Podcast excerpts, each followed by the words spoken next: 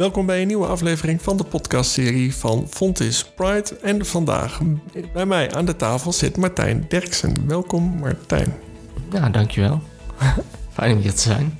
Martijn, voor de luisteraar die jou niet kent, kun je kort vertellen wie jij bent? Mijn naam is eh, Martijn Derksen, werkzaam bij Fontis in Eindhoven. Eh, Ik werk op het Nexus-gebouw. Ik geef onder andere lessen in filmmaken, maar ook heel breed over eh, nou, marketing, duurzaamheid, circulaire economie, dat soort eh, zaken eigenlijk. En daarnaast eh, hou ik heel erg van theater, toneelspelen. Ik zit ook bij een toneelvereniging. En ik hou me ook wel bezig met spiritualiteit. Dat vind ik ook wel altijd interessant om te, te onderzoeken. Ja, want eh, we hebben elkaar een paar jaar geleden voor het eerst ontmoet. Dat was bij de allereerste bijeenkomst van Fontis Pride in gebouw TF. Hebben we in het voorgesprek samen eh, eh, geconstateerd. En je hebt mij in de afgelopen jaren ook wel eens een boekje gegeven... met het werk wat je zoal hebt gemaakt. Of dingen, ja, die heb je zelf gemaakt, toch? Kun je daar eens wat over vertellen? Ik denk dat je dan doelt op het Mona Tisa boekje. Die. Ja, ja. En dat Mona Tisa boekje gaat heel erg over een, eh, een andere wereld, een andere samenleving die ik zie, zeg maar. En waarvan ik denk dat ik, of tenminste waar ik blij van word, enthousiast van word om daar naartoe te bewegen. En eh, dat Mona Tisa staat voor. Dus het klinkt een beetje als Mona Lisa, maar het is dus Mona Tisa. En het staat voor Modern Nature to Inspire Society's Aspirations. Voor degene die daar meer over wil weten... is er een website over, weet ik. Klopt. monatisa.nl. Je hebt net uitgelegd wat je bij Fontis Hogeschool doet. En een van mijn eerste vragen die ik daarna altijd stel is... hoe identificeer jij jezelf? Nou, ik, ik val dus op mannen en ik vind het op een of andere manier altijd wel moeilijk of, of om te zeggen ik ben homo, omdat dat stukje, ja, alles waar je ik ben achter zet, alles wat je achter ik ben zet, daar kun je zelf denk ik erg in vastzetten. Dus daarom, ik zeg ook nooit ik ben Martijn Derksen, want ja, mijn identiteit of zo staat, dat is niet mijn hele identiteit of zo, dat is een naam die ik heb. Oké, dus je zegt niet ik ben Martijn, maar mijn naam is Martijn. Want je bent veel meer dan alleen je naam. Ja. Je hebt mij verteld dat je een lezing hebt gegeven bij Avans Hogeschool over het geloof. Wil je daar eens wat meer over vertellen? Ja, ik was via LinkedIn in aanraking gekomen met mensen die waren met een soort, eh, dat noemden ze toen een congresfestival bezig. Dus een combinatie tussen een festival en een congres. En daar zochten ze sprekers voor die wilden eh, spreken over nou, een stukje geloof, misschien wel een stukje eh, eh, homoseksualiteit. Of, of in ieder geval het, het, iets waar je misschien voor geschaamd hebt of voor schaamde of voor in ieder geval het anders zijn, zeg maar. En eh, daar ben ik toen mee in een gesprek gegaan. En zo kwamen we er eigenlijk achter van... Oh ja, het is eigenlijk wel een heel mooi eh, thema. Juist omdat ik van een soort meer gelovige achtergrond zelf kom. En, en, en dat ik dat zelf, dat geloven of zo... Dat, dat ervaarde ik ook eigenlijk altijd als een soort coming-out. Dus bijvoorbeeld als ik eh, op de middelbare school... als ze dan vroeg, oh, wat heb je in het weekend gedaan? Dan was het vaak iets met geloof. Dus dat voelde ook altijd weer om daarover te vertellen dan dat voelde dan toch ook altijd als een soort coming out eigenlijk. Dus dat was altijd, dat was het ding zeg maar in dat verhaal wat ik daarop verteld. Van dat voelde als een soort coming out. Maar later eh, kwam ik dus nog een keer uit de kast. Dus nog, nog een coming out. Van nou ja, ik val op mannen. Die eerste coming out met, de, met het geloof, eh, wat je in het weekend deed, dat kwam omdat de rest, die ging niet naar de kerk. Nee, zeker op die middelbare school in ieder geval waar ik zat, daar was dat eh, eh, zeker niet eh, gewoon. Dat was eigenlijk heel raar als je daar überhaupt mee bezig was. Ik heb mij niet heel sterk verdiept in de Rooms-Katholieke Kerk, maar ik heb wel de indruk dat ze homoseksualiteit niet accepteren. Ehm, ja, er zit natuurlijk heel veel nuance achter. Ik, ehm, ik, ik vind dat altijd moeilijk om dat te, ehm, echt goed te kunnen duiden hoe... Of in ieder geval, als je echt vanuit het geloof, de, vanuit die katholieke kerk zou spreken... dan is het volgens mij zoiets als... ehm, het is oké, het mag er zijn, alleen je mag niet praktiseren. Dat is het standpunt van de kerk. Daar kun je vraagtekens natuurlijk bij hebben. Ik zelf ben daar... ehm, eh, ja, eh, wat mij betreft is het veel meer iets wat bij de menselijke natuur hoort. En wat, wat er gewoon helemaal mag zijn. Dus ondanks dat de, de kerk homoseksualiteit in mijn optiek grotendeels afwijst, voelde je je daar toch welkom? Ja, ja, ik heb me daar zeker altijd welkom gevoeld. Altijd heel eh, ja, warm. Uh, ja, het was eigenlijk veel meer voor mij een soort vriendengroep dan, dan, dan iets anders. En als ik dan ook denk wat, wat kerk eigenlijk origineel is, dan is kerk eigenlijk gemeenschap. Dus dan gaat het eigenlijk over een samen een gemeenschap zijn. En dat was het voor mij zeker. Ik heb zelf vroeger in het dorp waar ik woonde, in Losser bij Enschede, daar eh, waren wel um, op school wat lessen over de katholieke kerk. En daar kon je ook op donderdagavond, kon je daar met wat vriendjes en vriendinnetjes naar bijeenkomsten toe waarin we liedjes gingen zingen en warme chocomelk drinken. En dat vond ik altijd heel gezellig, maar heeft mij nooit heel dicht bij de kerk gebracht, terwijl dat wel de opzet was. Um, er waren ook uh, bijeenkomsten voor humanistische vorming. Daar ging ik ook naartoe. En die hadden dezelfde atmosfeer. Dus samen zijn en gezelligheid en warme chocomelk. En dat zijn overeenkomsten met wat jij net vertelt. En ik heb die link met de, met, de, met de kerk en het geloof nooit zo sterk gelegd. Jij wel. Want dat heeft, speelt een belangrijke rol in jouw leven. Ja, ja voor mij dat ik er... Um dat ik ook gaandeweg steeds meer achter kwam in mijn leven van oké, dus ik ben niet per se heel gelovig opgevoed. Dus ik heb het echt vanaf mijn uh, vormsel is dat dan wat je dan doet, uh, ben ik daar zelf actief mee aan de slag blijven gaan. En later gingen we ook reizen doen met, met groepen naar hele bijzondere, ja, of niet, zo, niet eens de hele bijzondere bestemmingen, maar die, de, de groep aan zich was gewoon heel bijzonder en heel fijn en heel warm. En ik kan me voorstellen dat je dat ook op andere plekken kan vinden dan dat dat per se bij, bij de kerk dan hoort. Maar voor mij was dat wel zo. Ja, en ben je nog steeds actief in de kerk? Nee, niet meer op de manier uh, zoals, uh, denk ik, tien jaar geleden of zo. Maar wel, ik ben er nog steeds wel mee bezig inderdaad. Dat, dat de verhalen of zo, die ook bijvoorbeeld bijbelverhalen of zo... dat spreekt me nog steeds heel erg aan. En ik vind nog steeds bepaalde muziek... Um, die me nog steeds raakt en nog steeds, ja, ook die ik heel mooi vind. Van Michael W. Smith bijvoorbeeld is dat een, uh, een bekende zanger.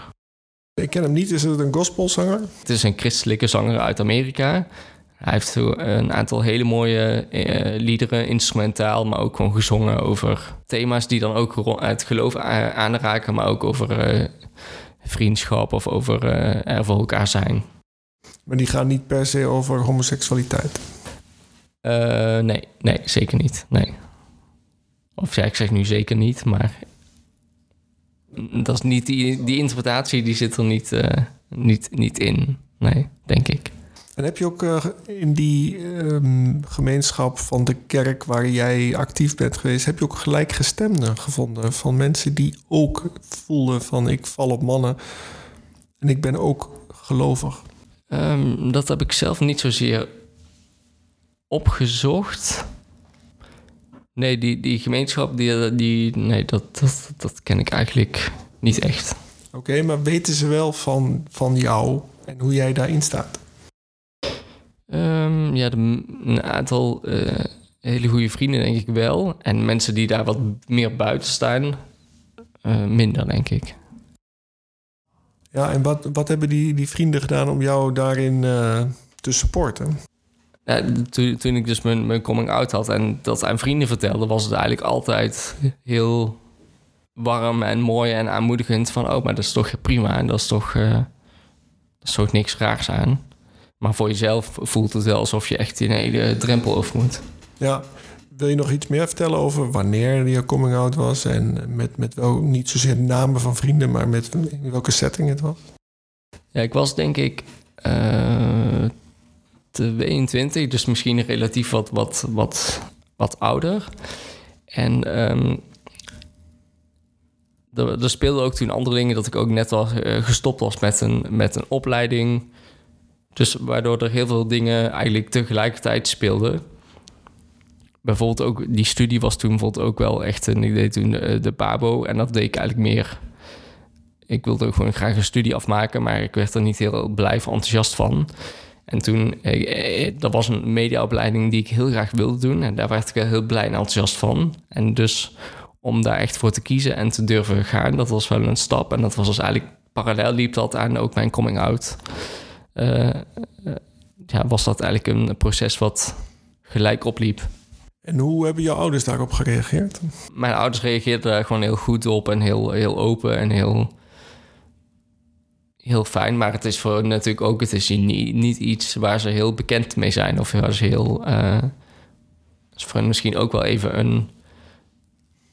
een, ja, die hebben ook wel tijd nodig misschien om daarmee mee om te leren gaan. En dat is dan ook wat ik vaak uh, zelf wel merk. Dat de tijd die je zelf hebt gehad om, om daar over na te denken of over te verwerken, die moet je eigenlijk ook anderen gunnen. Ja. Dus dat, dat kan best wel een, eh, een tijdje zijn van oké, om mensen daar in de ruimte te geven.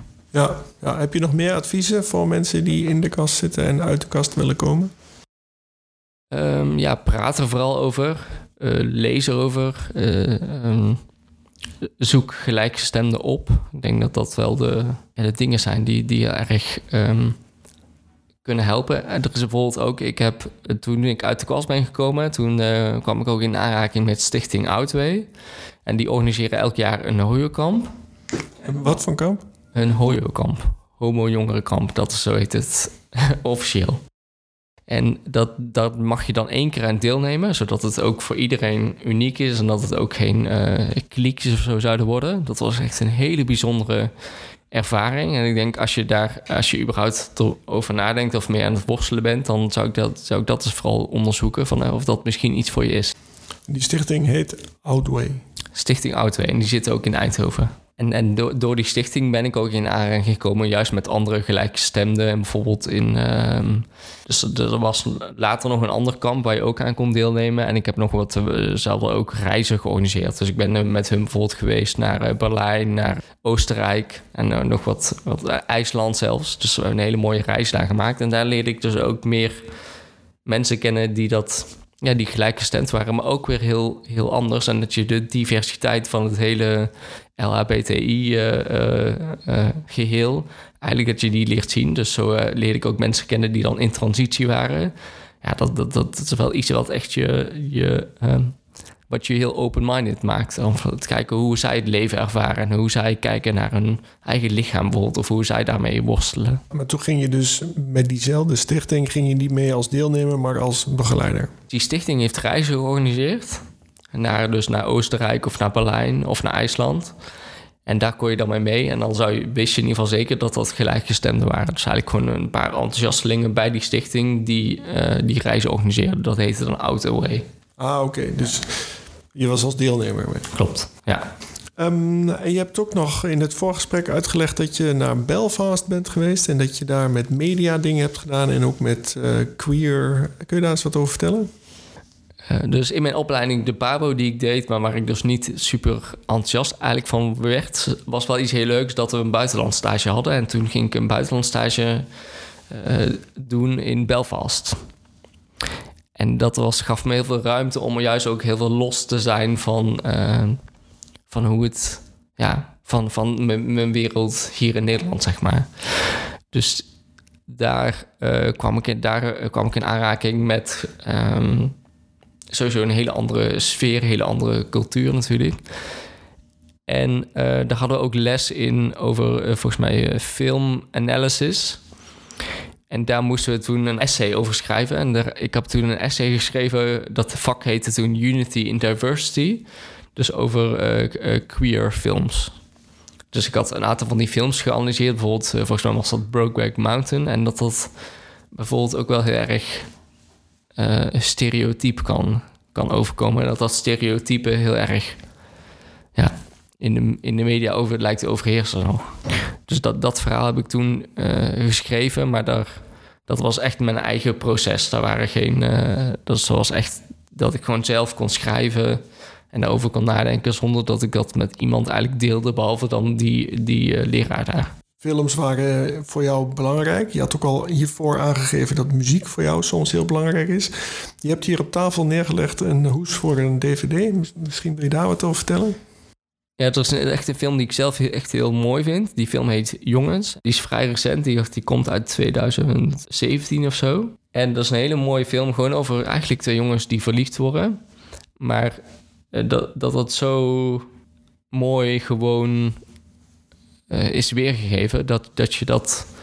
Je, je, je kijkt gewoon naar een liefdesverhaal, maar je hebt helemaal niet in de gaten. Oh, dat zijn twee jongens. Waardoor het heel. Ja. Waardoor het een heel, dus heel mooi en heel kwetsbaar, e- eerlijk eh, verhaal is.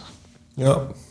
En bijvoorbeeld op de hoes zie je bijvoorbeeld ehm, ja, twee mensen die elkaar aankijken, maar je kan van de bovenkant niet zien of het nou eh, een jongen en een meisje is, of twee jongens of twee meisjes. Dus dat is heel erg de. eh, ja, wat, daar, wat ik daarvan zo mooi aan vind. Twee mensen, inderdaad van bovenaf in het water.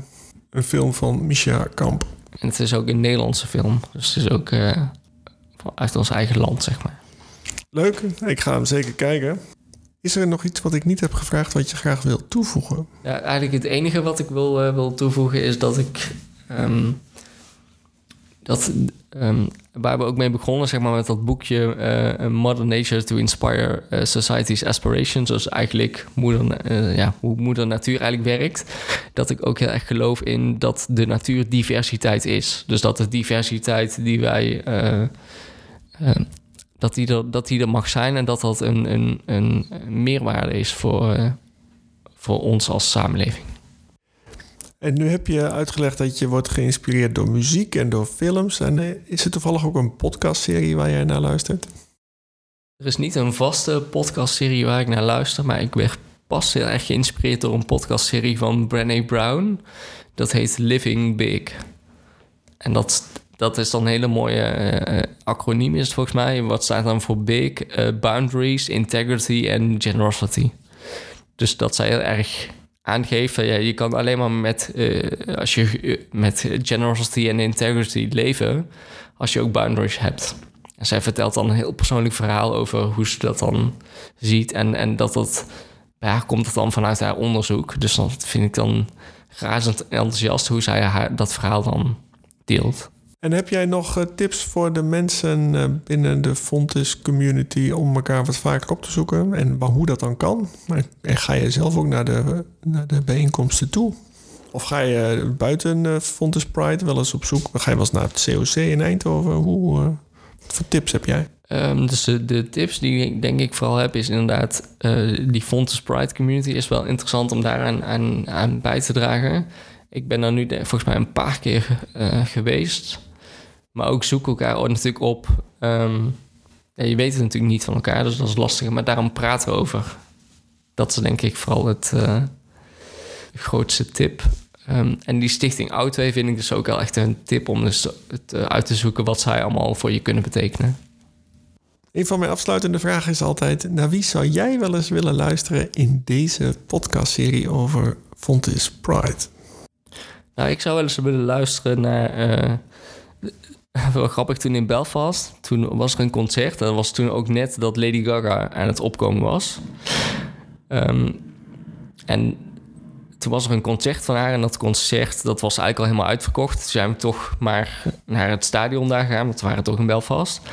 En toen plotseling waren er nog, eh, toch nog een aantal kaarten... waardoor we in één keer toch erbij konden zijn. Dus dat we daar helemaal verrast konden deelnemen aan die tijd. Dat, dat is net in de tijd van dat, eh, volgens mij, dat liedje Bad Romance eh, eh, zo populair was. En later heeft zij pas eigenlijk die liedjes gemaakt, eh, Born This Way, zoals wat denk ik, wat me ook wel erg aanspreekt. Misschien is het wel leuk om ook aan de luisteraar te vragen om ehm, te komen met tips en ideeën rondom muziek en, en films. Om, om nou, op basis daarvan gezamenlijk het gesprek aan te gaan. Misschien, eh, misschien helpt dat wel om eh, te komen tot eh, verdieping en tot ook verbinding. Want ik, ik merk eigenlijk ehm, dat die verbinding soms heel erg lastig te zoeken. Ja, ik merk dat die verbinding soms lastig te vinden en te maken is. Omdat niet iedereen wilde zo over praten. Ja, misschien dat je een soort queer film night zou kunnen organiseren met met de community. Er is nog eentje die ik misschien dan nog wil noemen. En dat is een documentaire die heet For the Bible Tells Me So. Het gaat juist over ehm, hoe, de, hoe eh, een aantal mensen kijken vanuit die Bijbel naar eh, homoseksualiteit. Die vond ik zelf in ieder geval altijd heel interessant. Ja, ik ben toch wel verbaasd over die binding van jou naar de kerk toe. Terwijl eh, voor mijn gevoel die kerk uh, minder verbindend naar jou toe is. wat ik ervaren heb in mijn, op die reizen en met die gesprekken met al die andere jongen, is iets zo. wat me zo persoonlijk geraakt heeft. Dat ik denk van, oh, er zit voor mij zoveel betekenis achter. Die, die ja, waarvan ik ho zou hopen ook dat anderen dat gaan zien. Zonder dat het een soort dogma wordt van oké, ik moet het in een hokje stoppen en zo en zo is het punt. Maar dit, dit is hoe ik naar het leven kijk. Ja, misschien zou het helpen als ik uh, de Bijbel ga lezen. Dat heb ik nooit gedaan. Kun je zeker doen. Ik, um, dan, dan, zijn er nog een aantal andere boeken die ik je kan aanraden. Oké, want uh, ik kijk er wel tegenop. Ik heb wel stukken van de Bijbel voorgelezen gekregen of uh, zelf misschien wat flarden gelezen, maar nooit de Bijbel in, integraal lezen. Wie, wie doet dat? Nee, dat heb ik ook niet gedaan. Maar die, het, daarom is de Bijbel is eigenlijk gewoon een bibliotheek, een, een verzameling verhalen. Ik denk, zoals wij tegenwoordig films kijken, zo had je toen verhalen die dan op schrift aan elkaar doorgaf. Maar de verhalen van toen zijn nog steeds nu relevant. Nee, dus dit gaat er heel erg over de betekenis van verhalen. En dat is bij films denk ik ook.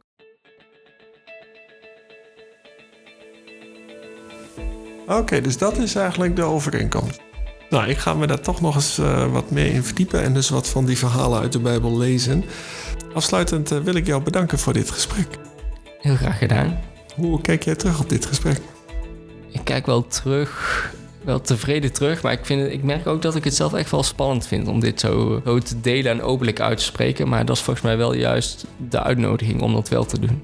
Precies, het is ook een handreiking naar onze luisteraars om dat ook te gaan doen. En daarom is mijn oproep wil jij ook jouw verhaal delen? Meld je dan. Dat kan bij Martijn, maar je kan je ook natuurlijk bij mij melden. En tot slot wil ik ook de luisteraar bedanken voor het feit dat je tot het einde bij ons bent gebleven. En vergeet niet om je te abonneren, want binnenkort staat er weer een nieuwe aflevering voor je klaar. Graag tot dan.